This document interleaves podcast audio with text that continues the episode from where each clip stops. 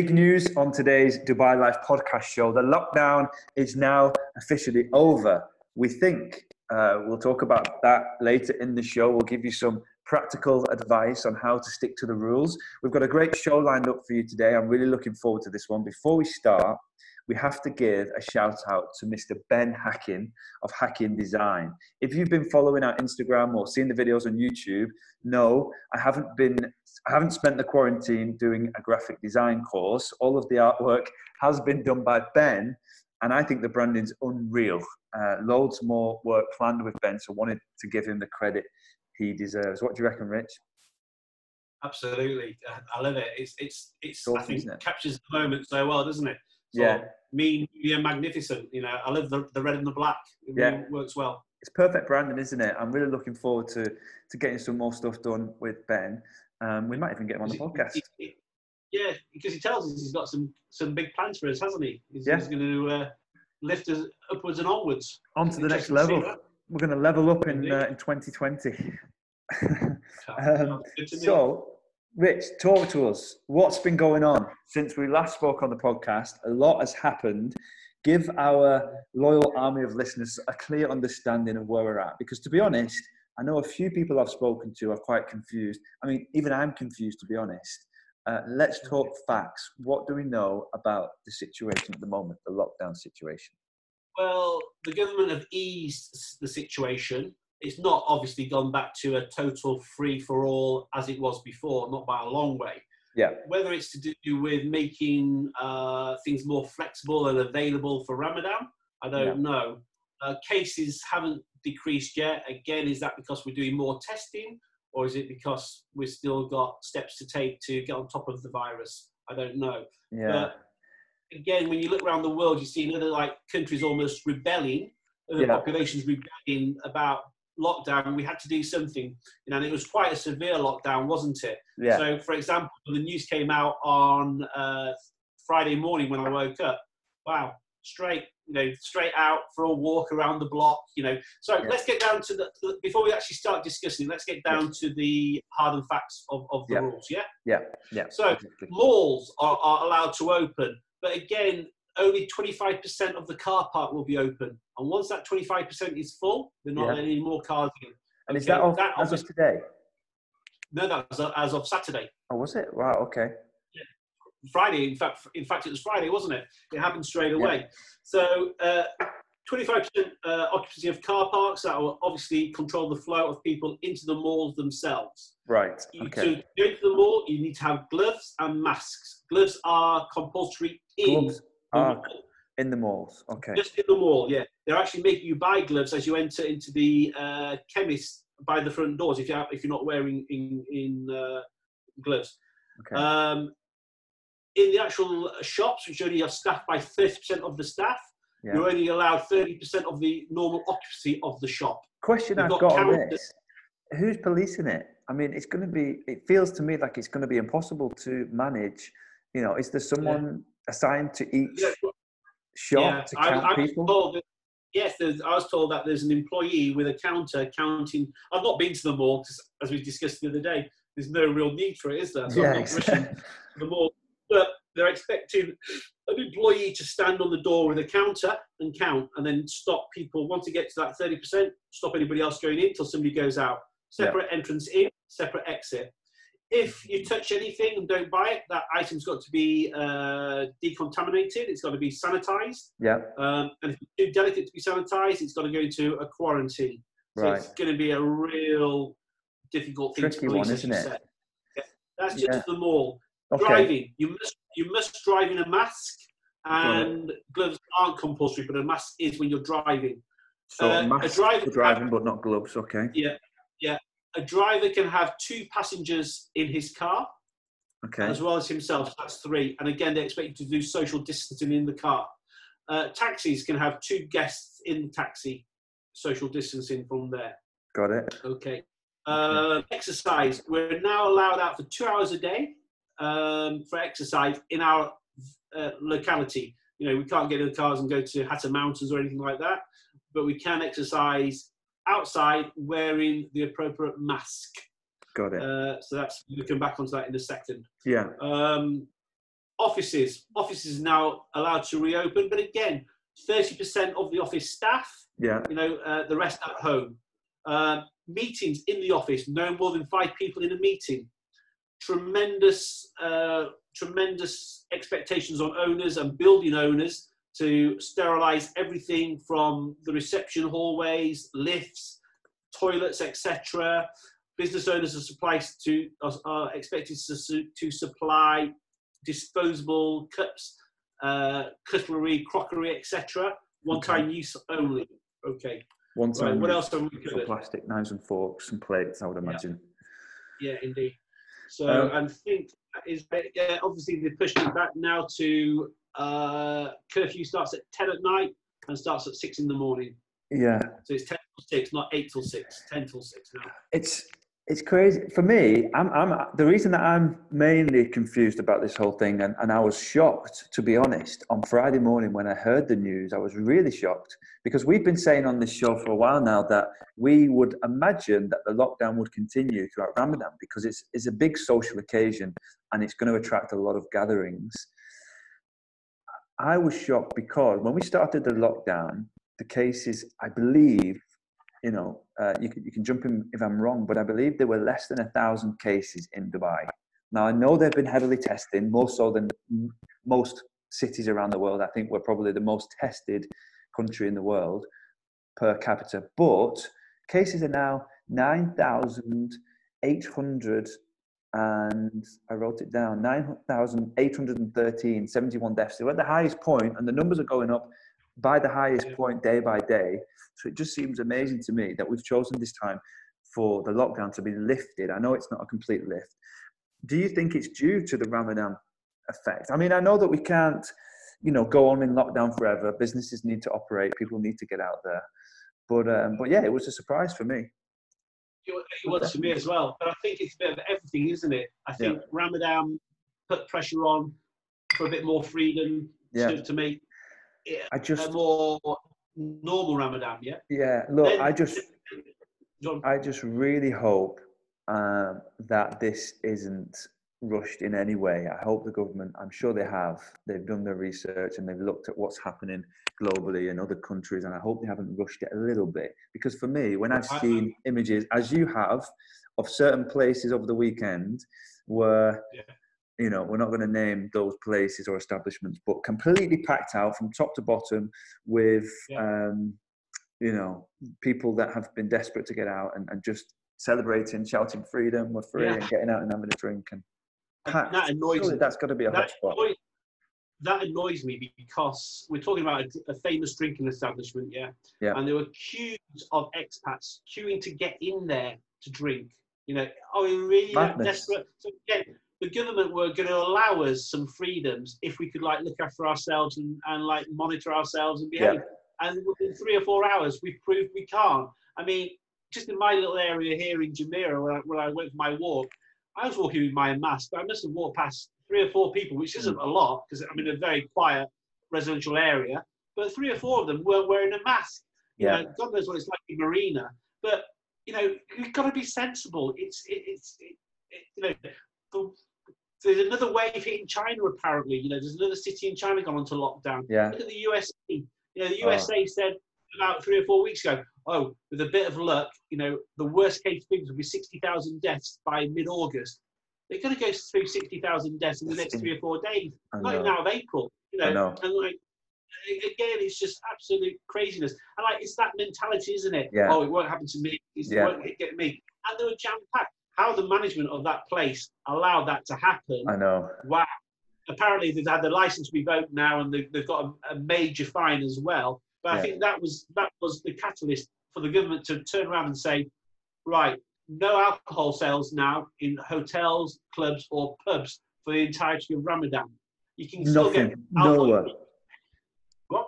Nothing. You can't go for a drink now. Let's be clear. You can't go out for drinks. Okay no alcohols now for sale in, in the month of Ramadan. This is how it was about four years ago, if I remember right. Four or five years ago, it yeah. was like that. The yeah. three years, to try and get Dubai tourism up and running, yeah. you know, again, of course, expect to be able to drink moderately, I hope, uh, on their holidays. But to get that running, things seem to get more relaxed. But just, I think obviously it's Ramadan. We've got to be respectful, which brings me on to another point in a minute. But just that craziness that we saw on Friday when people, oh, we're out, Freedom. let's go to, Freedom. let's go to the pub, yes. Absolutely madness. And again, that silly mentality. Oh, I read about it, but it won't happen to me.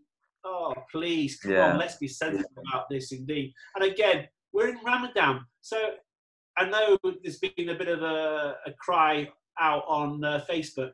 I think where, you know, where you are, a lady got uh, fined for running in uh, a running vest and shorts Yeah, I you saw know, for that. not showing respect Ramadan.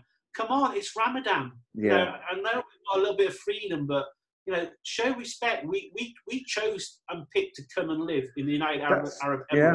That's a very good So point. let's, let's show respect to the country Yeah. that we chose, knowing full well that it's uh, you know a Muslim, state, yeah. society, Yeah, and- show respect. I mean, it's a very tolerant place, but even so, a little bit of common sense would have stopped this happening. So again, if I was Sheikh Mohammed, I'd be sitting there looking at all the fools trying to push their way into to drinking establishments on the weekend. I'd be looking at at, at, people who obviously are educated to, to get a good job in Dubai. yeah, I'm thinking, wait a minute, what's Mm. going on here? yeah, I, I'm gonna I'm gonna put, put my foot down here a bit bit harder. yeah. But overall, overall, I'm quite worried, Liam, and I know you are because Yeah. I don't think I don't think we're over it by a long way, and I think this might cause another spike. I just Perhaps don't. to- Yeah, I don't see how it can't. I, I, don't see how. Now, if we have almost 10,000 cases confirmed, those 10,000 people have been out for the last perhaps even two weeks. They could have been out, and every person that they've spoke to, if they've been on construction sites, if they've been working, if they've been in taxis, they're going to have passed it to other people, and the virus is not going anywhere. We know that. Even with the lockdown, the virus was still growing, and now I just feel, I just hope that this doesn't extend this uh, this this situation for any longer than we have to. as an economy, we cannot afford to go through another four to six weeks of a total lockdown that we've No. just gone through. Can We you imagine that? Yeah, we need to be able to get out there now, and people need to be able to make money, and I appreciate that. Um, but Yeah. I think yes, It's careful affecting you and measures. I, isn't it? And let's face it, it's affecting you and I. I mean, our Yeah. incomes, you know, we're still doing deals as Yeah. best we can, but Yeah. it's nowhere near in the same league or level that we were doing before the lockdown. But Exactly. you know, which we've, we've, we've taken it on board for what it is. You know, there's more sometimes there's more important things than deals or money. You know, it's Yeah. health and it's health of health of a nation, health of the world. And, Yeah. You know, there's there's 45,000 deaths already in the USA, and you see the beaches packed out. You see of armed protesters in the streets marching through various states saying "Free the states." What is going on? You It know, just shows you, doesn't it? People won't help themselves unless it's made. Uh, yes. the only way to control people is with with the law. Um, yeah, it's just madness. Like I said, the first few days when people were told that they couldn't go to the office, it was like a holiday in the marina. I've never seen as many people out walking and jogging and walking the kids around, walking the dogs. Um, it's madness, isn't it? I think uh, it's going to be, well, it's certainly not interesting, but it's going to be an eye opener to see what happens over the next few weeks during And again, I just urge everybody at the minute keep living the way we have been living over the last few weeks. Don't go out unless you really have to. Yeah, And just sit back and, and listen to us, guys, and just see what happens. You yeah, know, don't risk. You know, I, I've lost members of my family to this. Yeah. You know, and I, yeah. It's no it, joke. It, It no joke. It, it does happen to you. It can happen to you. So can happen to anybody yeah can happen to absolutely anybody um, so also we've seen that the metro is now open today parking fines are also started to be issued again so it does seem it does seem like things are uh, you know back up and trying to slowly get back to normality i just hope that it's uh, yeah controlled and measured um, so yeah a little bit of a rant out of the way richard any uh, any positives any anything to report from your end you've just been on another podcast i believe how did that go Yeah, very good. Yeah, I was just uh, singing the virtues of how to stand your rental property out from the crowd in this day and age. yeah Uh, yeah, very good. With our colleague Lloyd, who's a good guy. yeah So, uh, Lloyd's a good guy he's been on the show before one of the early episodes good. he's a good good. guy So that's that. So anyway, come Um, on. I, I, I don't really have too much else to talk about apart from Yeah. getting back to our uh, dream scenario of what would we buy. What, Exactly. what, gonna, what level are we going to talk today, Liam? let's go back to Dreamland, Richard, um, yep. and let's talk about what we would love to ideally buy in Dubai. So last week we did three million dirhams. Week before yep. that we did one million, or the episode before that we did one million. This week uh, or this episode we're talking about five million dirhams and above. I got it quite. I got it a little bit wrong. I've been thinking about five million dirhams, so I've limited myself a little bit. But I went. But I went with I might have to change my opinion now if, I'm going up to 10 million. But for 5 million, I've been doing a little bit of research and I would have to say I'd like to experience the hotel, managed hotel uh, service department vibe in the address Skyview. Okay. So a three bedroom in the address Skyview with all of the amenities of the address, 2,200 square feet, three bedrooms, four bathrooms, an incredible view, as you would imagine location, location, location, right in the center, everything going on around you. You've got that city buzz and that city vibe, um, restaurants, bars, everything. Um, sounds like a dream to me, you know. Concierge service, you've got the spa there as well, an amazing gym. So that's what I'd be looking at for five million. If I was going up to more a 10 million dirham range, um, I'd be thinking about adding another million on top out my own pocket and getting a three bedroom in the one palm. That's that's what I'd say for 11 million.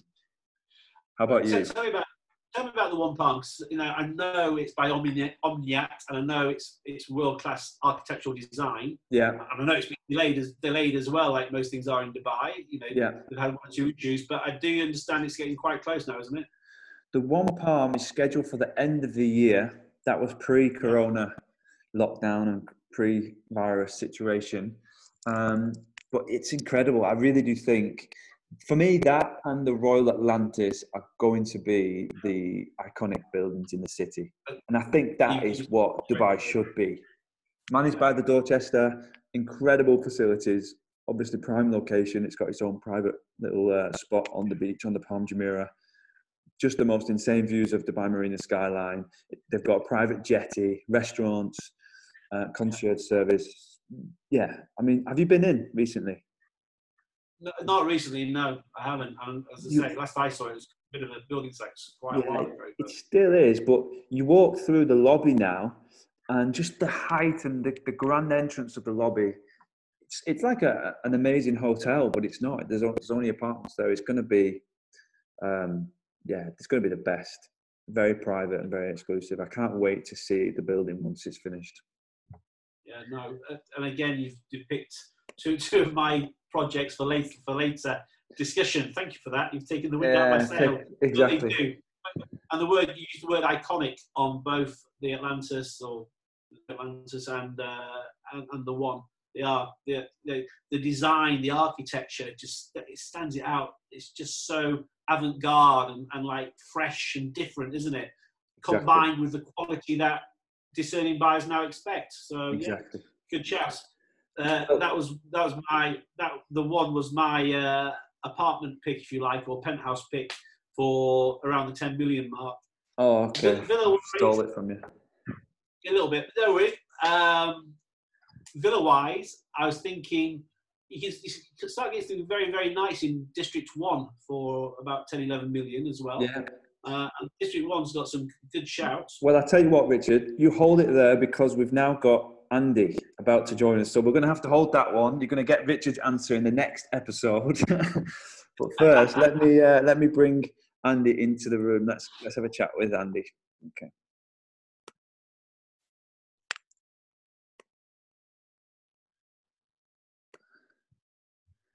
See if he connects. Always takes a bit of a a bit of a lag when we uh, invite guests on. Hello, can you hear us, Andy? Are you there?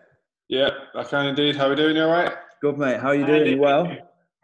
Yeah, good. Good, thanks. Glad, glad to be finally let out of your uh, your apartment.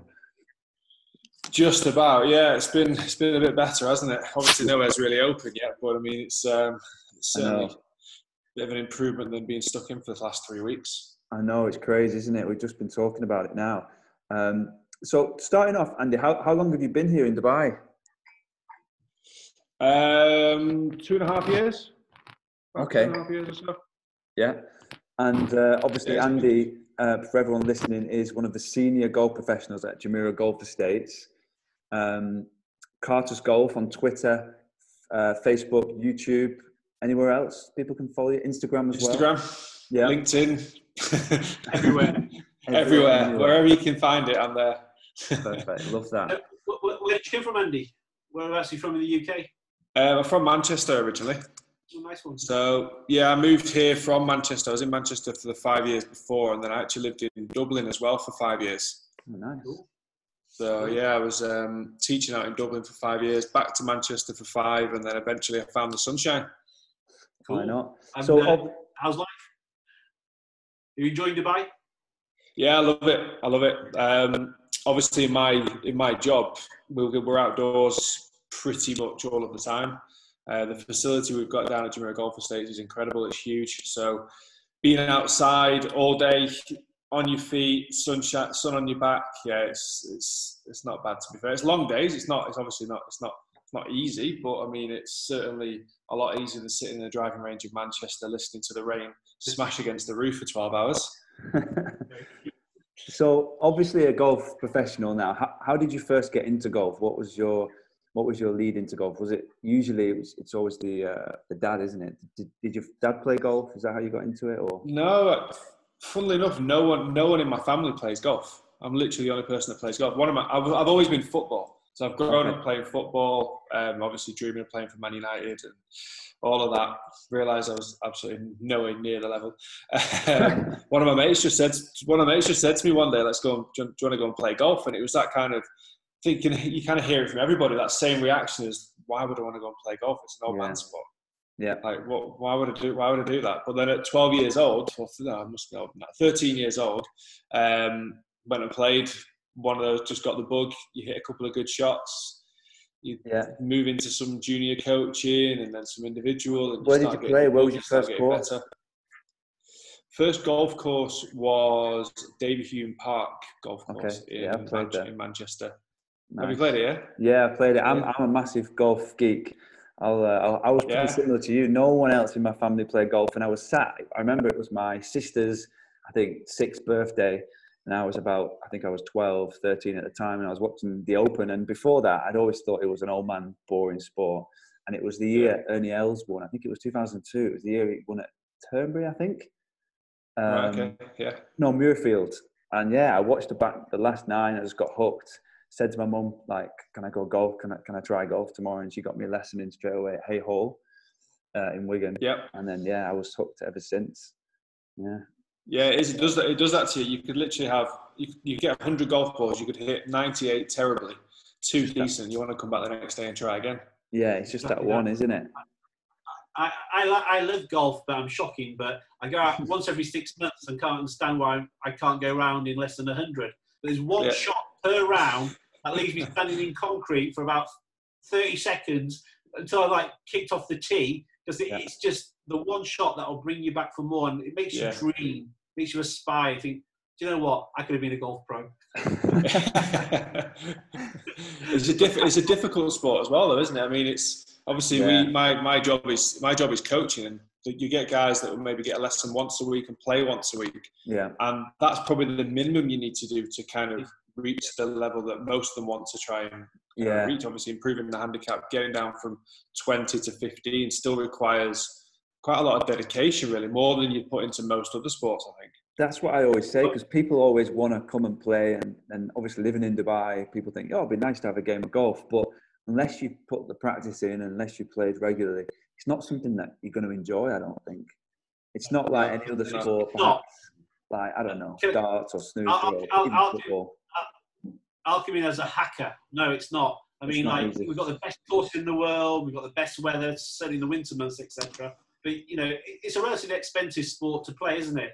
And mm. like, if you're not half decent, you might as well just set fire to like 500,000 dirhams and watch it go up in smoke.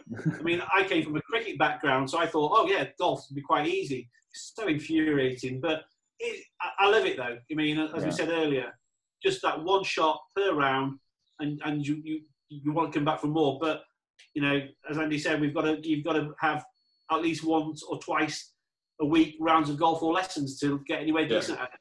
Yeah. yeah. there is. You, you have got you have got the players that you've got. I mean, I'm, I'm not against it at all. You've got players that probably never have a golf lesson in their life, but if they go and practice every single day, or let's say five times a week, or play twice a week and practice three times a week, they will get better because you're just getting yeah. better at what you already know. So you, um, I wouldn't. Um, some players, some people love to have a golf lesson every week, or maybe some, some of them twice a week. Yeah. Some will never have a golf lesson, and there's no right or wrong way of doing it either. It's just you just it's just one of those games that you just need to. If you want to get better at it, you just need to go and do it two or three times a week, consistently yeah, to figure it out. So did you did you progress at quite a rapid rate from when you first started? Were you all in, or were you still kind of half football, no, half not really taking it seriously? I was always, I was still always football until yeah. I even went to even when I was 16. I think I was still off 10, 12 handicaps, nowhere near oh, county level. Um, I even went. I then went to golf college at 16, which was just up the road in Preston. Yeah. Um, and I was there right? for I was there Myerscough, yeah, yeah, yeah. So that was a good that was a good five years. I'm not sure I, yeah, golf play, but it was I had a little years. spell. I had a little spell at Myerscough. I went to Preston, so I went to U UCLan, and it's linked with yeah, Myerscough. Yeah. So I did the. Um, That's right. I know Rick and the guys, and I did the uh, the, the tour where they they play the tournaments all over, and then they have the um, where is it? Now? Portugal. So they have the the few days in Portugal to finish off the tour. That was really good. Really enjoyed that. Yeah, it was. It was. It was a good time. I mean. 16 to still obviously quite immature, 16 to 18, you're not really taking it, you're not really thinking of a career. Well, yeah. certainly I wasn't anyway. Um, yeah. Even when I left, even when I left uni at 21, my handicap was still four. Wasn't wow, still okay. wasn't kind of, and I just actually came out of uni just thinking I don't, I, I just can't bother me golf anymore. I don't want to do it. Yeah. Um, took a took a year out. Um, went working with my dad, who was um, like fitting bathrooms and plumbing. Real did that work. for a year, enjoyed it, but yeah. then I thought actually I'm probably better, I'm probably better at golf. and I literally got messed up. I just put everything into it for probably about for, for, for full summer. I put everything back into it. Got down from four to scratch in about two months. Nice. Just absolutely, what, just had it. What was the uh, what did you find the gap was between four and scratch? Because I went from I was pretty the same. I think I went from four or five to scratch in a season, and for me it was a little bit more on the mental side. So I started to read Bob Rotella and just focus Rotella, on yeah. more of the positives and just thinking about my subconscious and what I was telling myself, and, and it completely changed my game. I couldn't couldn't believe it. What was it for you? Was it just the time you were putting into it, or? for me, it was always I always had like a fear. I always had like a fear of shooting under par. If I even yeah. got close to under yeah. par, my I would like I would go like nerves, ridiculous, yeah. it's embarrassing. And I remember one of my mates always saying to me, "Once you do it once, you'll be fine." And because it took me so long to do it, and I actually so much, I believed everything he said. Like once you do it once, you'll be fine. And when I did it, I think one of the times I, I birdied five of the last six to shoot one under. Oh wow! And then from there, it just opened the floodgates. I yeah. could just go out and shoot one or it's two. It's amazing, isn't it? It's amazing. At that level, it's so much mental because you you probably yeah. didn't change anything technically. It's just that belief and you get used to being under par and, and you feel comfortable. It's just weird. It's like it's very much like anything else in life, though, isn't it? You just the, the more you expect it and you you feel comfortable in it, the more you do it. Um, yeah, yeah, it is. It's really. Uh, I used to. I remember I used to write. I used to be write, walking down the tenth fairway writing my speech. Like, I think you know, I've, I thinking I've got it, and then suddenly you, and suddenly you go double, you go double, double, double, and you're almost in tears. Yeah, like it was just that as a, that as a kid growing up, it's a big learning curve. But yeah, I'm so out of practice now. I'd probably be the same. If I'm one under, if I'm one under par after nine, I'm probably writing my speech on the tenth. um, but it's just it's just about habits. It's yeah. Into, I got into a habit of shooting under par, and then yeah. obviously with the way the handicap system works in the UK, I think one of the days, Mere Golf Club, I shot one under par yeah. And it was such a hard day that the standard scratch went up to like 76. It was ridiculous. It was like yeah. pouring rain and wind, and I somehow managed to get it around in one under nice. off three handicap at the time. And I literally dropped a shot and a half based on yeah.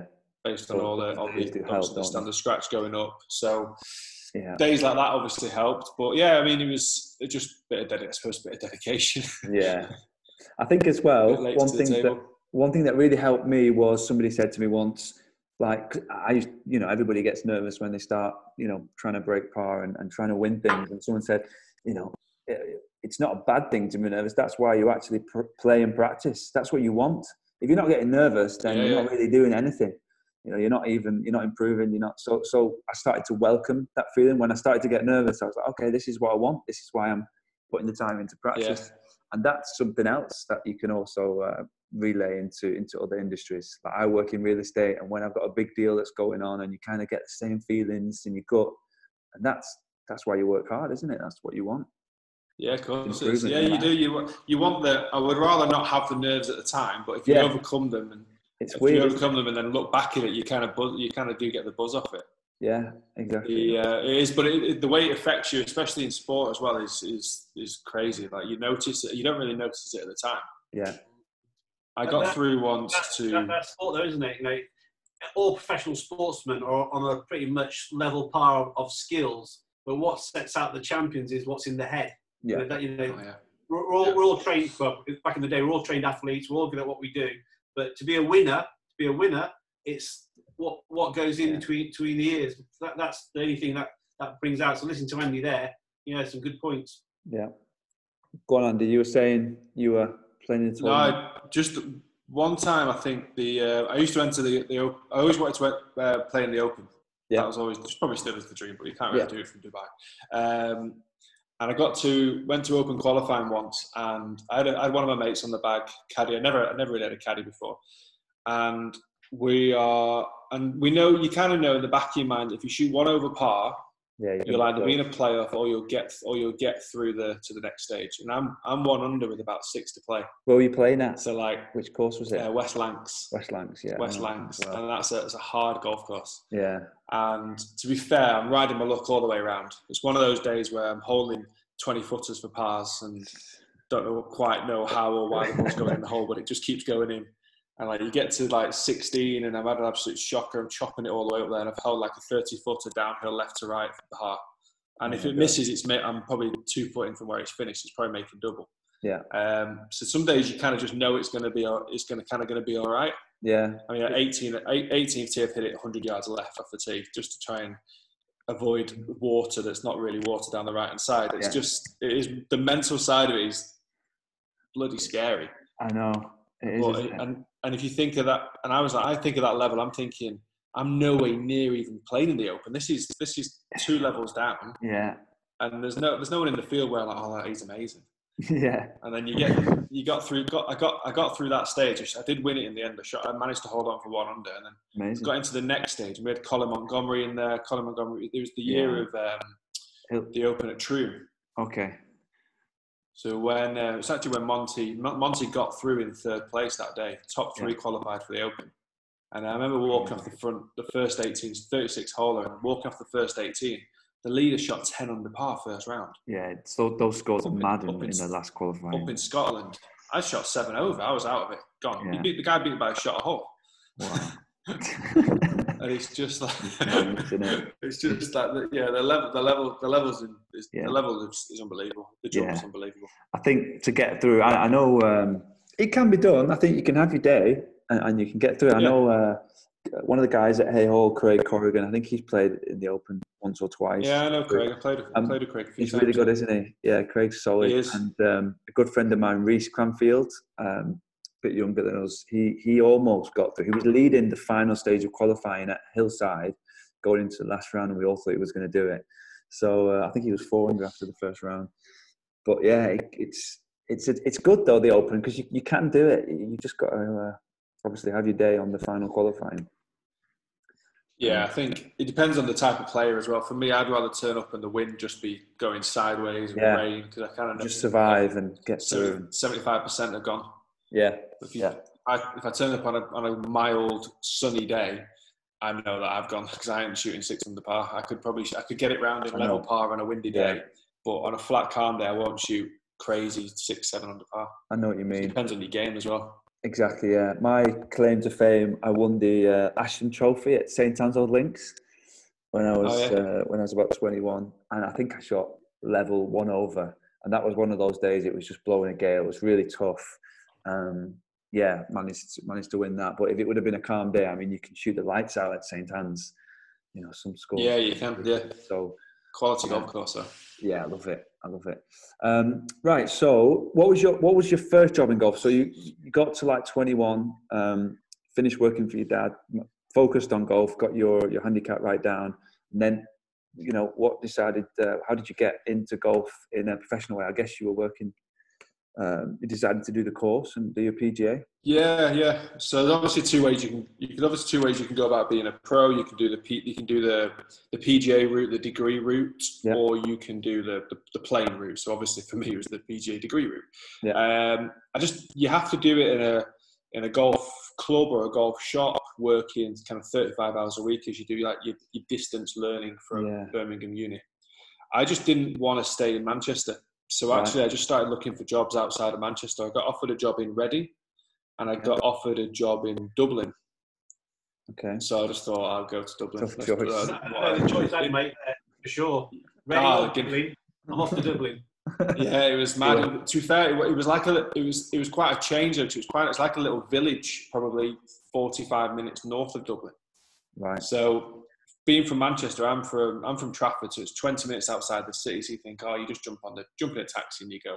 Yeah. I didn't see Dublin more than about three times in the space of three years because everyone in those in that Dublin, they just stay in their own little cities yeah. or little towns. It's like it's quite, it's quite a bit, Dubai, it's a bit of a culture shock. Yeah, basically, it's like a little culture shock. It was it was it was bizarre, but I mean, it was. I don't regret it at all. Like Dublin was an unbelievable place. Yeah. Um, did five years there. So the court, the, the PGA degree is three years. Yeah. Um, so did did five in the end. Did my three years. Got a move after about a year and a half to a place called the Island Golf Club, which is I think is in the top fifteen in the in G no top twenty in Great Britain and Ireland wow. for a golf course. My one of my clients knew the head pro. He was looking for a job. It was just pure fluke, but amazing. It was a massive like massive change. Like the golf course was incredible. They played yeah played World Cup on there and stuff. Seriously, um, wow. So yeah, it's quite quality golf course. So I ended up staying there for two years after I qualified as well. Yeah, my boss was brilliant. Uh, did a lot of teaching. Yeah, but then kind of just realised that teaching was the route I wanted to take. Yeah. So I'm good mates with a YouTuber, well, golf pro as well, uh, Rick yeah. Shiels. Yeah. Um, we went to college together. He's one of my best mates. We went to college together, and my old golf coach was now running a golf academy in Manchester, and Rick right. worked for him. So okay. they both just said like, if you want to if you want to come back, there's a, there's a job. So it's like this Trafford Golf Centre. It's yeah. the um, I think second largest now in Europe for balls wow. hit, lessons given, and yeah. the size of the team of the pro. So it was a no-brainer, just full-time coaching. Yeah, that's so where the, uh, move, the, money is, I guess, going from teaching in, in, a club. Yeah, yeah, it is. It's the only. It's the only. I think financially, it is the best it's probably the, one of the best incomes for, for a golf pro. Yeah, just non-stop lessons. Um, obviously, it's just non-stop lessons, but it's also nice. Every every hour, every hour or half an hour, you're speaking to someone new. It's a different yeah. golf problem, I suppose, but different personality, different yeah. challenge. So yeah. kind of get your day goes crazy fast. It's good. I'm not. I'm trying to wish my life away, but it's kind of like a. It's a nice way to spend the day as well. Yeah, I get your point. I'm you two. I'm listening to you two, and obviously you two like sort of golf pros or very close in case to being a golf pro. And I'm, I'm, I'm living it. I'm like living the passion. You know, yeah. you, like uh, Andy said, he's living the dream, and I know it's, you're just consumed by your passion. And what a way to live a life, isn't it? You know, it gets Andy out of bed every morning, doesn't it? Because yeah. you're doing the thing you love. Yeah, it's, a, it's pretty. It's not. It's not too difficult unless unless unless someone books a lesson at half six. I mean, that's not ideal. Yeah. But, got to schedule an afternoon nap then if you're getting up that early. I mean, yeah, exactly. I've got to try and re, I've got to replan my day if that guy books that lesson at half six. I that that where I, I kind of fell off where you decided to turn pro. I was at the point where I was off scratch, uh, almost at plus one. I was potentially considering. Um, very focused on trying to make the uh, you know trying to make it the other way. I was almost working, playing full time, working in a warehouse at ASDA, practicing uh, and playing through the winter, practicing at Chili Dip, um, and then yeah. But just for me, I, I started working at Clark's Golf in Rainford. Yeah, because um, yeah. I know Dave and Chris really well, and I just I, did, I just didn't get the uh, the teaching bug. Didn't catch me for whatever reason, and decided yeah. to, to to look at something else. Um, but yeah, still still love it and miss it a lot because we're in golf paradise here and just don't get to play as much as I'd like to. Um, but yeah, it's yeah, exactly. I mean, the quality of golf course out here is yeah, it's a joke to be fair. We'll, we'll talk about the um, the golf courses in a minute. But I wanted to ask, what what would you say makes a good golf lesson then? Coach. Put you on the spot. um, what makes a good golf lesson? Obviously, I would imagine. For me, like my, depends on the person. I think the, firstly, the, the, the coach and the I hate calling them clients, the student, they've yeah. got to kind of connect, connect. Like they've got to have, they've got to be able to get on. There's different types of students. There's different types of coaches. I'm yeah. quite, I'm quite laid, but I'm quite laid back in the sense that we could just sometimes we'd, we'd have a good, a really good conversation, and in and amongst the conversation, you are still talking yeah. golf. You're doing drills. You, the time. I think sometimes I like to think that the time kind of goes quite quick as well for the player in the terms that they've enjoyed it. Yeah. Um, so it's trying to make trying to make sure it's enjoyable, but also yeah. get into the root cause. I mean, there's. No matter how good your golf swing is, there's faults in there. Yeah. Um, and also, no matter how bad your golf swing is, there's a lot of faults in there. But you, as a coach, you've got to try and make sure that you pick. You've got to make sure you pick the right faults. Yeah. I could watch a golf swing and see ten faults, and I could quite easily choose the wrong two and not really affect the guy's game. He might yeah. look a bit better in the mirror or on yeah. camera, but you can still have the exact the same flight. bad shot. Yeah. Yeah. And I think client um, lessons come in wanting to improve the look of the golf swing because yeah. they think it's going to improve the ball. But actually, you can make a couple of tweaks. It might not look like a huge change. Yeah. Um, but it's affected the ball flight. Yeah and that's the that's that's the most important thing. A lot of golfers are very obsessed with how it looks. They want to look like Rory. They want to look like Tiger. Yeah. No one wants to look like Jim Furyk, who won, who's won about twenty million quid. Yeah, exactly. like yeah. I'd look like I'd happily look like Jim Furyk yeah. for twenty million. All day or Bubba Watson or anyone like that. It doesn't matter. The, the, the end of the game, they they want to come in and improve the golf. Um, so it's just a case of making sure that we choose the kind of the right two areas and, and yeah. not go away from doing too many different areas as well. It's very again, it's very easy to get wrapped up in four or five yeah. swing faults. and I think much. I used to do that. I mean, I, I made so many mistakes when I wanted to turn pro. Yeah. Um, like when you I think back to my first few lessons, you make so many mistakes. You you do sometimes finish a lesson like early years, just finish a lesson thinking, maybe yeah. give him a bit too much to do there, or yeah. I don't know if I've confused them even more. Because you're but trying really hard like to, yeah, exactly. yeah, so yeah. So I think over the years, less less has become more. Yeah. Um, and, but then obviously the most important thing is communication, which is yeah. probably the most important thing for any job. But communication and making sure they understand because the golf swing is quite a complicated, yeah. complicated movement to do in one second. Exactly. I think what I found with obviously having lessons and, and playing um, at a decent level was the uh, my coach Alan Crompton at Haigh Hall would give me something to do, like try and do, and I just couldn't get it. And then he'd tell me another way to do the same thing, but yeah. a different feeling. So I was very much like aggressive and like body would go ahead, like the hips wouldn't start swinging. And I, if I thought of like clear the left side, I just get too quick and I just lose things. Whereas we focused on feeling like feeling the right side that that, that yeah. used to help me and i think uh, you know being able to put it different ways um, yeah is important it is a case of it is a case Problem of saying the same thing a hundred different ways and yeah. one of them is going to click or even yeah. just i often just ask them i said like if i do that to your body what does it feel does like, feel what, like what, yeah. what you tell you tell me i can't stand there and tell you to pull your left arm down if you yeah. can't feel it, or you want to. If I say pull your left arm down, but you want to pull your right arm down, then you pull your right arm down. Yeah, it, it's kind of like you kind of got to. It's a, it, you are working as a bit of a team. Yeah, one of you's got the knowledge, and one is it's actually the other person's body. So you just kind of got to work together and. Yeah. Like say it's problem solving, but the other the person that's getting the lesson is still going to have quite a big input in the lesson as well. It's not just me dictating what they should do. So yeah, if they could do that, then be the easiest job in the world. And do you use TrackMan to to see the performance and see the change in the ball? Yeah, so we, we use yeah we use TrackMan uh, and camera. Yeah. TrackMans and cameras. We've got we've got um, we've got a bit of other technology and stuff, K vest and stuff. Yeah. Just a, it, I use um, one called Hack Motion, which is kind of Okay. how the how the, the wrists work. Just Yeah. depends on the player. Sometimes you can have too much information. Hundred percent. Yeah, you If can. I'm if I'm honest, I don't personally need to see what that angle is. Yeah, But if, if it see the helps the person, yeah, because you see the ball and you can just physically you can actually see it. I know that's Yeah. I know what the grip is. I know that's Yeah. probably. But some people like to say, well, that's uh, well, that's ninety degrees. It needs to be forty-five degrees. yeah, Some people work off numbers. Everyone Yeah. everyone learns totally differently as well. Some people hate TrackMan. Some people feel like they need TrackMan. yeah. I think I've never you kind of really, get to know your person.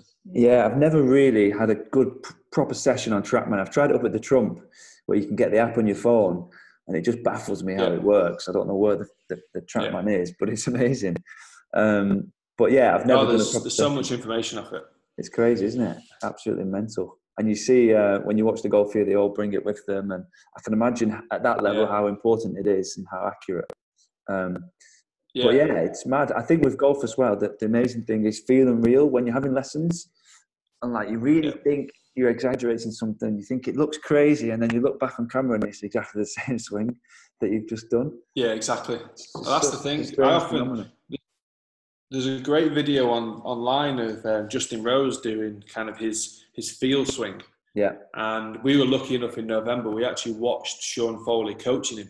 Oh, like he was really? just stood ten yards away from us. Sean Foley was amazing. He he would come over, literally invite us into the lesson. We'd be watching Oh, really? him. He'd be talking to us and talking to Rose. And he spent that week of the DP World. He spent three or four hours with us over the week, just talking golf, Amazing. showing us videos of like Cameron Champ, Tiger, stuff he was working on with all these. It was, it was, it was crazy. But um, when you watch uh, when you watch the world number three at the time making Yeah. these outrageous looking movements, Yeah, it just seen shows you that Yeah. it's, it is feel versus real, isn't it? It's it's Yeah. it's mad. And some people like say coming back to the trackman stuff. I personally, I couldn't stand on a driving range and play with tra- and, and learn off trackman for myself.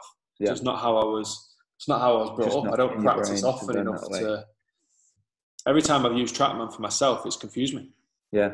I know what the numbers mean, but it doesn't feel like what I see on the screen as a number. Doesn't feel Yeah. like that in my swing. Yeah. So Yeah, I'm just yeah. more. I'm. Just, I'm. A, I just manipulate. Yeah. Yeah. More of a feel. So unless I dedicate, yeah, unless I dedicate three three days a week to practice with TrackMan and combining the two, Yeah. I couldn't. I couldn't practice. I couldn't. Yeah. I couldn't learn. I couldn't learn with just TrackMan once a week or something. yeah. So again, everyone's just different. I get your point, hundred percent. Um, so, um, what was a typical day for you in Dubai pre-corona? How would it How would it go? Like, what would you do? Would you have like uh, a morning off? Uh, would you Would you play in the mornings and then teach in the afternoon? A or- morning off. What's what's a morning off? um, for the first year I came, uh, I was doing six days a week. I just wanted Oh, to wow. try and get as busy as I could. Yeah. Um, I would take off. I would take off on Monday. Like Yeah. it was. It, it, I mean, work-wise was great, but obviously outside of Dubai, it wasn't. But outside of the work life, it wasn't ideal. Yeah. Um, as you know, there's quite a lot of things to do in Dubai. Yeah. So that wasn't ideal. But now I'm doing. I do. I take two days off a week now. I'd say a typical day would be in the academy for eight o'clock.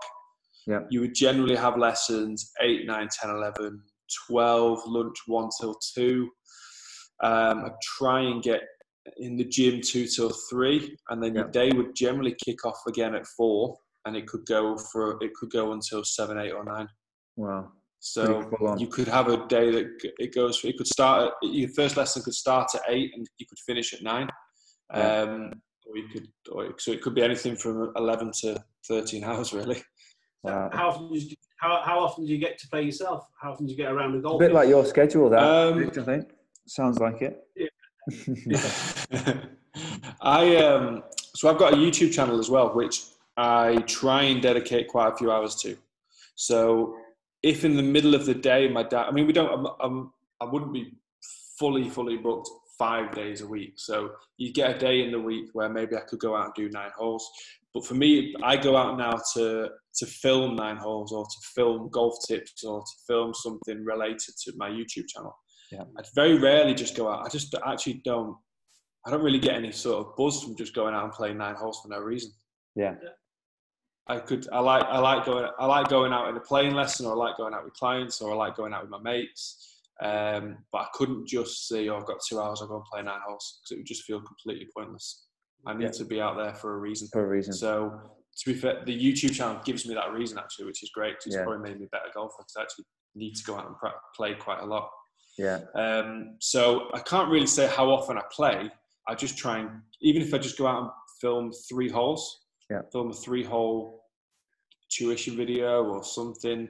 It just kind of varies from week to week. But I'd say on average, if I can get 18 holes in a week, whether that's split over five days, um, is, is, probably, is probably about right.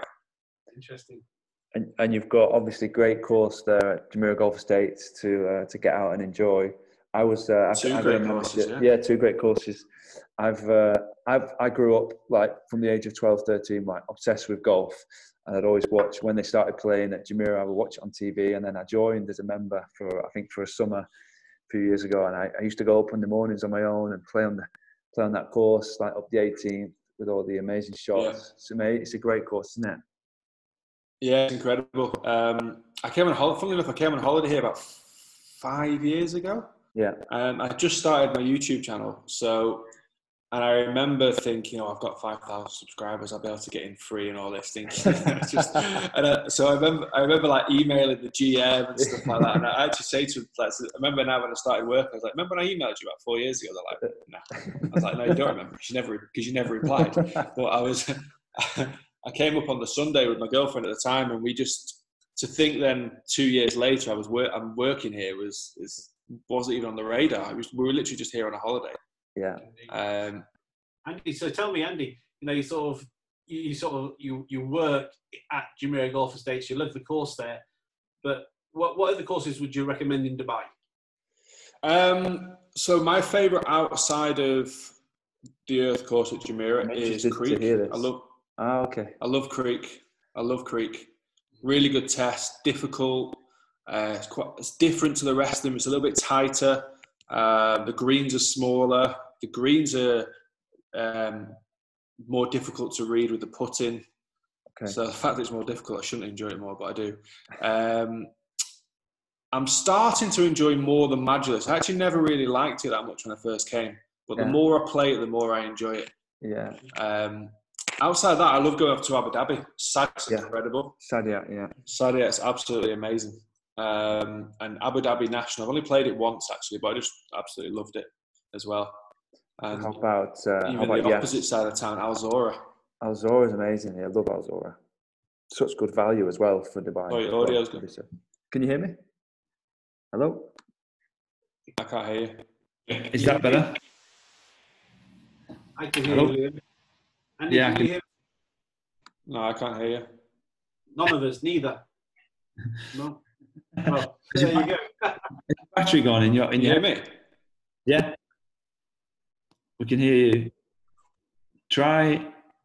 Hang on a minute. Let me type this out. Maybe maybe the battery's gone. Type this out. Ah. One sec. That was me. yeah. Technology's gone for a bit. Hey, my iPods just turned themselves off. can you hear us now? Yeah, I can hear you now. Okay. So, yeah. There we go. There we go. Sorry about that. Nice. No problems. Um, where were we then? So yeah, what do you think about what do you think about the Trump? Because that's a really famous uh, architect, isn't it? Gil Hanse. He's done a lot of work on some some big courses. What do you think about Trump? Yeah, I don't I don't mind it. I think I get it gets a, as a golf course for 18 holes. There's some amazing holes on it, some really yeah. good holes on it. I think after there's a little stretch, I just get a little bit bored. Probably in around about probably like 11 to 15 yeah. or something in the back nine. That corner just gets a little bit kind of samey. Yeah, nothing really going. But then, but, but the start, the, I mean, the, the kind of certainly one. Yeah, I mean, the front front nine as a golf course is real. Front ten is really yeah. Good. It's good, isn't the, it? First 10 holes are really good. Gets a little bit boring. 11's a bit of a weird hole. 12, 13, 14 are a bit strange. And then you get to the part, the um, 16, 17, 18 are good holes. Yeah, yeah they're really good finishing holes. Yeah, I like Great par three great par three course there. Oh, it's amazing, isn't it? Yeah, I've been playing oh, actually oh, unbelievable. on Tuesday nights, the Social Golf Society, which has been quite oh, good. Okay, yeah. Like you chuck in Yeah. a bit of a game, it's really good. It's amazing condition as well for a par three. It's like it's a proper. Yeah, I I think I actually follow Social Golf Club on Social Golf Club Society on Instagram, so I kind of see it always there. But yeah, it looks it looks brilliant. Yeah. The I played it a couple of times, and we played it once. There was nobody on it, and there was no tees out. Uh, I know the pro up there, Sven, Yeah. and we played. I played with I played with Sven, and we was like we were just kind of playing cross country. There was nobody there, so we were just kind of going through like random greens in di- random directions. It was great fun. Quality. Yeah. I can imagine. Yeah. The way it's set out, you could do that. You could just make up your own course completely. Make, yeah, you could. Yeah, no, it's class. It's probably the best path I've ever played. To be fair. Yeah. I would And have from, from, a, from, and from a hacker, again, pretty much nowhere else in the world or that we're used to back in the UK, playing under the lights, playing at midnight or playing at 10 o'clock Yeah. at night. That's even for me, that's pretty. You Yeah. need the, the traces off into the distance. It was. Yeah, it's amazing when you see the when you see the ball take off under the lights. It looks class, doesn't it? It's It does- amazing. it does- it was my dream that as a school kid, when it was getting dark at like 10 o'clock in the summer and you had to go home, I was like, imagine if you could just play through the night. It'd be unbelievable. And now you can in Dubai. It's crazy. Now you, c- yeah, exactly. I Absolutely. used even working at the driving range. I used to love it when the lights come on in the driving range. Used Yeah, to love just hitting yeah. the, the shots into the into the sky. yeah, That it's was now so you can cool. effectively go and do that every night now if you wanted to. yeah, it's amazing. Um, so you mentioned before, just touching on your YouTube channel. So you started it, was it five years ago? I think so. Yeah, about five years. ago. Five years ago. So what what Yeah. got you inspired to do a YouTube channel? I uh, I've got one as well, more for properties. But what what got you first into that? Because it's it's difficult to start first, isn't it? Yeah, it's hard. It's, it's you just got to be so consistent with it. Which, to be honest, I, I haven't been. That's why it's probably not growing as fast as it probably could have and should have. Yeah. But um, one of my best mates, Rick Shiels, he's probably got the, now. I think he's probably got the biggest one in the world for golf. Yeah. Um, he, I used to work with him, and I was actually on the first ever course vlog. It was me and him at Royal Lytham, Oh, was it? St Anne's. Yeah, um, I missed a three footer on the last for him to for him to half. Uh, um, those videos. I love. I, like I really. I used, I used to watch them a lot, and uh, yeah, it's such a simple idea. But when you're out playing with your mates, it's and it's close and it's good competition. It's so entertaining, and literally just bringing Yeah. that to people at home. Such a good idea. It was. Yeah. Yeah, it's good. It was good fun. So I remember, I remember the drive home. Rick said to me, he "said You should start a YouTube channel." Like he was just kind of kicking off, and he was just Yeah. starting to get popular. He was like, "Now is a good time to start because it's, start- it's on the rise." And I was Yeah. like, "Nah, nah, that's never going to take off this." so I was so narrow-minded at the time. I started it about three years later. yeah. Um, But the um, yeah, I mean, I just I enjoy, I actually enjoy. I enjoy the ideas, like I say, the filming, filming of the golf course, filming of the, the matches. I enjoy the interaction between like the comments you're getting. yeah. Um, I, there's there's bits of it I don't enjoy. I don't enjoy the editing. I know. It's. it's I'm not I'm I'm not good at it. Um, and I think this year from now, actually, I'm just going to start. I'm actually starting to pay someone now to do the Yeah. editing for me. I mean, it doesn't make it, it, as it. It's just an investment 'cause at the moment. It doesn't even make me any money, so I'm not Yeah. bothered about that really. Yeah. I just want the videos to look better. Yeah. But I do get a good buzz off. I kind of get that that buzz of as soon as I release a video, I'm literally just sat there just Yeah. I know the refreshing it every hour. How many Yeah. people have watched it? How many views have I got? How many likes have I got? It's, Yeah, just, it's it's an obsession. Yeah. So um, the only thing I've not been with it really is consistent. It's on about, I think we're on 20, I'm on 27 and a half thousand subscribers now. That's good. Um, one of my mates who's been consistent the last six months, he's, he's overtook me and he's now on like 40. So it just kind of shows how Yeah. fast you can grow if you are consistent. So yeah. if you're going to have a schedule, you've got to stick to a schedule. Otherwise, you just Yeah. got to release con- good, con- good content Yeah. consistently. It's hard work, isn't it? It really is. It takes a lot of dedication and time, and especially if you're teaching as well, and you're getting in at eight, nine o'clock at night, and you, you know you've got to Yeah. you've got to get it done. It's not easy work, and that's what you Yeah, I mean- Rick and Peter as well. I know he's Finch is doing great on his channel. It's it's really uh, it's not just you know taking a video, sticking it up on YouTube. The types of videos No. you're doing and they're doing, it's really uh, a lot of time to go into it.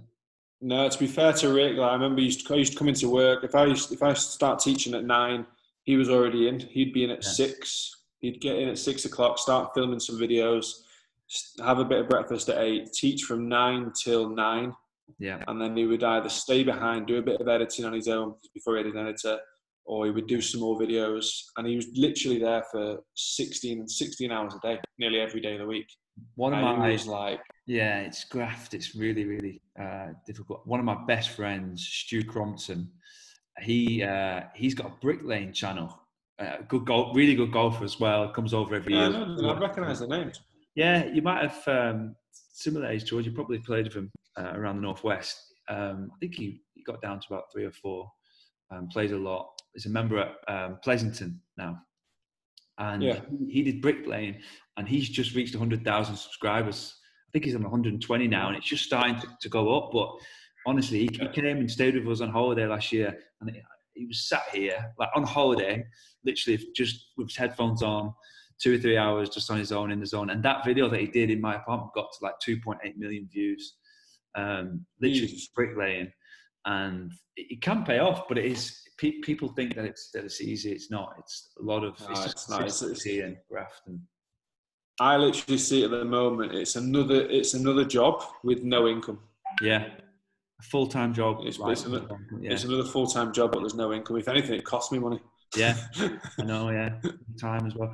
I um, so I I saw the videos that you guys were doing, and, and I thought, you know, it's, it's just really good. And I was going out doing viewings because I'm in property over here, showing amazing houses and having really good interaction with my colleagues and with with clients. I was like, I wonder if I could do a similar kind of thing. Uh, yeah. you know, and, and put it on YouTube. And it's difficult to do because obviously when people are spending money, they're not necessarily going to want to be on camera. So then I started doing Yeah. some property tours. Uh, and luckily, I did try doing some editing myself. I was absolutely terrible, like literally doing it on my phone. But we got um, at luxuryproperty.com, we've got a guy called Ben who's edited some videos and amazing. And I got one video that I did on a Dubai Hills Estate, a big mansion, and it's got Yeah. like 670,000 views now. Um, so yeah, I think I've got 18,500 subscribers. But again, like, Wow. when I'm consistent and I'm, I'm pushing it, you can see it, it, it pays off. Yeah, it does. It does. It's just being consistent. Yeah. I've got just just through isolation now. We're not re- we're not really going back to coaching until for another two weeks because Yeah. like obviously it's thirty percent restriction in staffing and stuff. So they're keeping the academy closed for another two weeks. Yeah. So I've literally written down a hundred videos I'm going to try and film in the next two weeks. Wow. So that will that will kind of that will kind of set my base for content for the next.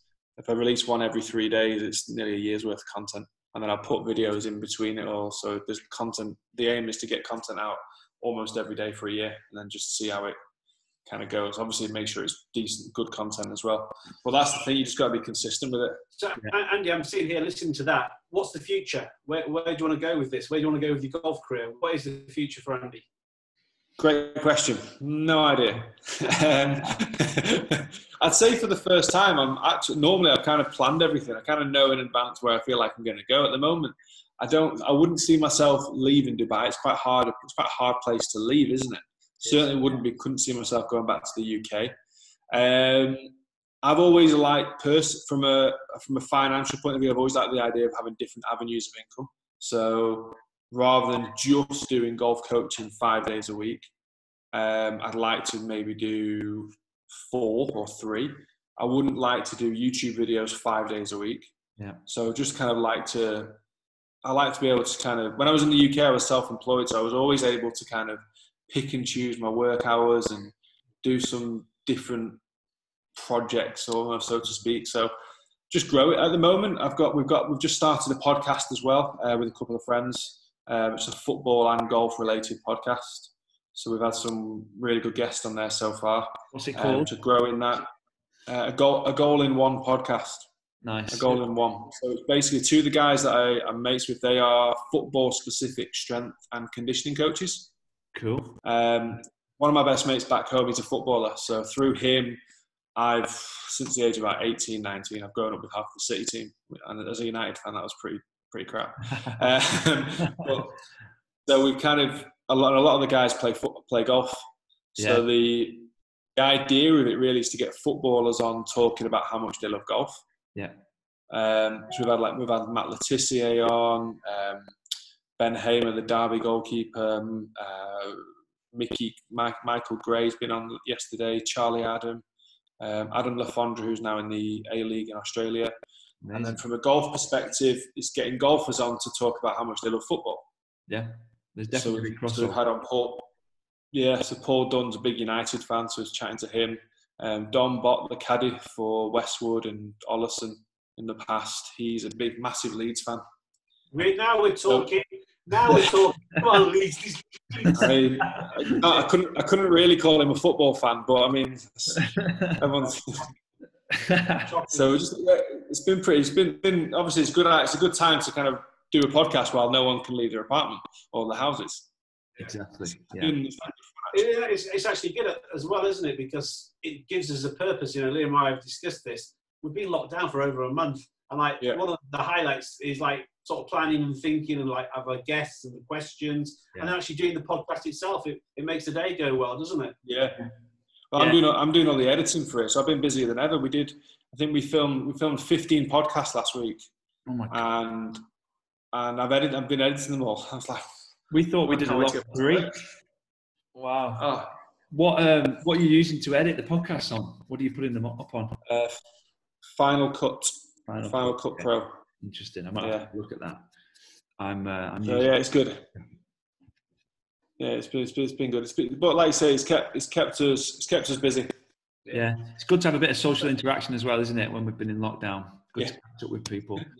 Um, so, where did I don't think we've talked about this. Dubai. How did you first think about coming and working in Dubai? Where did that all start? Um, my mate moved here about twelve years ago. Okay. And funnily enough, he always said to me, "Oh, you've got to come out. It's amazing for golf." Yeah. Because um, he works in he's, he's in real estate. He's been out here about twelve years in real estate. He okay. works for SFAS. Nice. Um, and he came out and always said, "Come, come, come." I never came, and then he got married, so I came out for his wedding. So yeah. he'd already been out here six, seven years at that point. Uh, and then I just absolutely fell in love with the place when I came out on holiday. Went back to the missus at the time and said, "Right, we're going on holiday to Dubai next year. Let's see, let's see if you like it." And she moved. She became here the first day we stayed on JBR. Yeah. We're walking down JBR, and she just went, "Yeah, all right, let's do it." And I literally start. I started writing emails that day. My yeah. first day here, we were here for a ten day holiday. I started writing emails. I met the pro at the Creek. I met the pro at Trump. Was it maybe? Yeah, Trump. Yeah. Um, started making some connections, some contacts and then about a year later, I just got a phone call saying, "Would I be interested in coming to Jumeirah?" Thought, yeah, perfect. Yeah, hundred percent. Sign me up. Quit my. I, that was like the end of October, and I was here by I was here by January. What a place to start! Perfect. So dropped on. Yeah, I got lucky really. And um, I mean, how long? It's always a difficult question, and no one really knows the answer. You mentioned before you see yourself staying here for a long time. Yeah, I'm not one of those ones that says, "Oh, three or four years, then it's time to go home." I don't believe in it's time to go home. It doesn't yeah. even make sense. Exactly. Um, you go home when you you go home when you have to go home if you if you if that's the case. Or yeah, everyone's different. People obviously, I've not got I've not got a wife and kids. I haven't got a family, so yeah, that's probably I've got probably got a very different outlook to a lot of people on that in that respect. Yes, um, again, Andy, what is it to go back to in the UK? Really, you know, some of of your profession, as you said, go back to the grey, the driving rain, the tax bills, etc.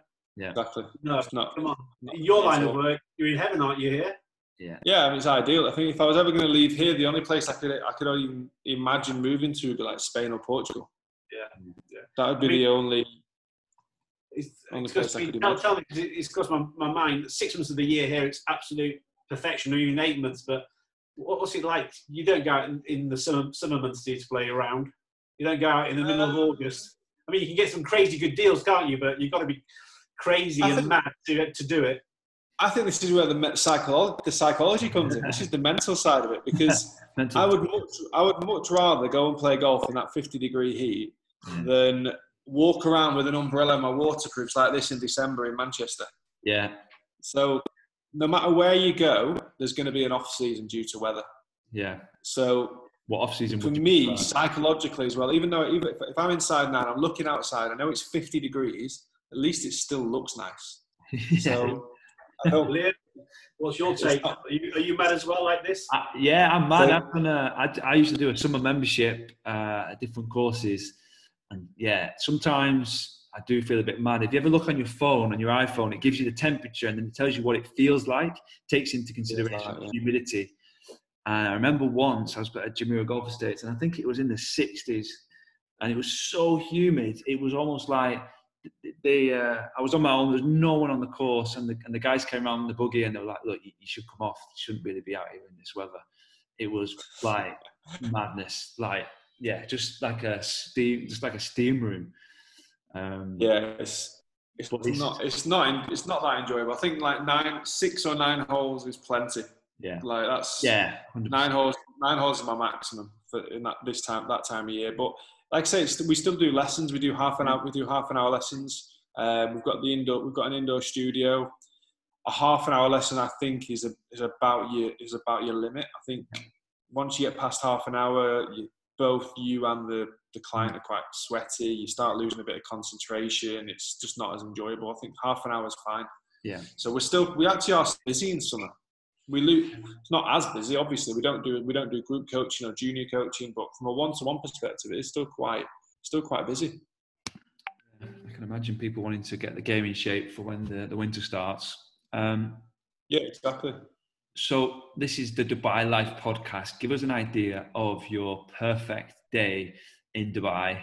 Put you on the spot a little bit. Obviously, you've been here two and a half years, so I'd imagine you've tried a few nice places um, yeah. and things to do what would you say is your perfect Dubai day? No work, free day off, do what you want. What, what's your perfect day look like? Funny enough, when I was mentioning, just talking to my flatmate about this before we came on, because I was thinking there's kind of three perfect days in Dubai. Yeah. There's kind of that day where if you're not working, but my mates play golf, go to the golf club early, have breakfast, yeah. um, get onto the golf course, few beers on the way around, bit of a laugh, and then you kind of finish for finish from midday, two o'clock, something like that, and then kind of home, shower, change, and then go to a beach club and just you've got so many good you've got so many good beaches like Drift Beach Club. You've got and my mates live in on the Palm, so they've got like the they've got the beach in effectively outside of their apartment just to go and chill there by the beach bar and yeah. a few beers. It's always a nice day. Then you've got your you've got your non-golfing days. I think to be fair, all three days do surround beer and alcohol and, and beach. to be honest, I can't seem to get away from it. But you've obviously got your brunch days, which are also good fun. What's your favourite brunch? What, which brunch do you like going to? You can ask me that. Um, oh, do you like? Feels like it's been so long. Do you like something? I know, um, do you like something lively with obviously a lot of booze, or do you like something like nice food, relaxed? More more food experience as a part as opposed to a real, real. outrageous alcohol fueled dancing on the table. Asia, Asia is a really good balance of both. Yeah, I like Asia, Asia. It's great good, food, good value on the brunch because the food's really nice. Yeah. But it's Asia, Asia. It's expensive for a normal meal. I always feel like I just don't get enough food when I go for a normal meal. It costs a bomb. But for the brunch, you can eat as much as you want. And yeah, exactly. That's a good. Yeah, it's good value. You get, I think it's two for one if you've got the entertainer. Yeah, um, there you go. You get, you, get, you get, a good serving of your drinks. The food's great. Uh, where else would you be? The five, the, uh, not the five, uh, the Sky Lounge at the Hilton on a Friday afternoon, evening's really good. Nice. So obviously, because it's quite high up, you've got the sunset up behind the the unfinished wheel.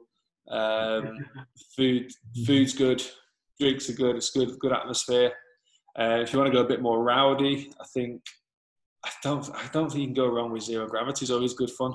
Yeah, yeah. I don't I don't mind zero gravity. It's good fun. Yeah.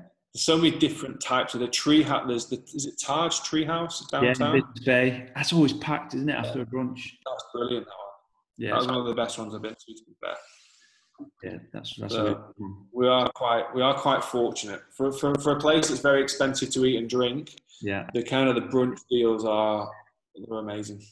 yeah, you don't have you don't have to go out and get paralytic. You can go and enjoy the food yeah. and the drinks. But I think that's how Dubai's changed, hasn't it? Five years ago, or two years, three years ago, we're just beginning to be where we are now. So therefore, the entertainer and pretty much wherever you go now, if you if you're savvy, you can like get discounts and good deals because hmm. yep. it's the way of the world at the minute, isn't it? Dubai in particular. So you know you can have some some good times, but just just be clever. Yeah, it's not as expensive as what people always say. I don't think. I think if you come in here on a holiday, it's a really expensive holiday.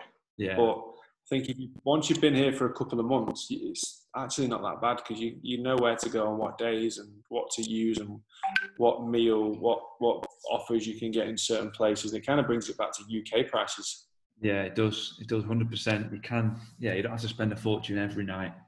Do you? Um, what's your favourite delivery? Obviously, Dubai's famous for deliveries. What do you? Uh, what's your takeaway? What's your What's your go to? Can you hear Hello? me? Yeah, got you now.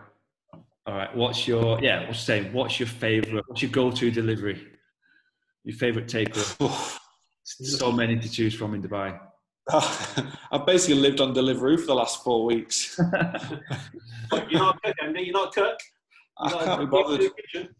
I can't. What the um, they cook it so much better than me. What's the point? can't compete with delivery. What What's your standard? What do you like, uh, Audrey?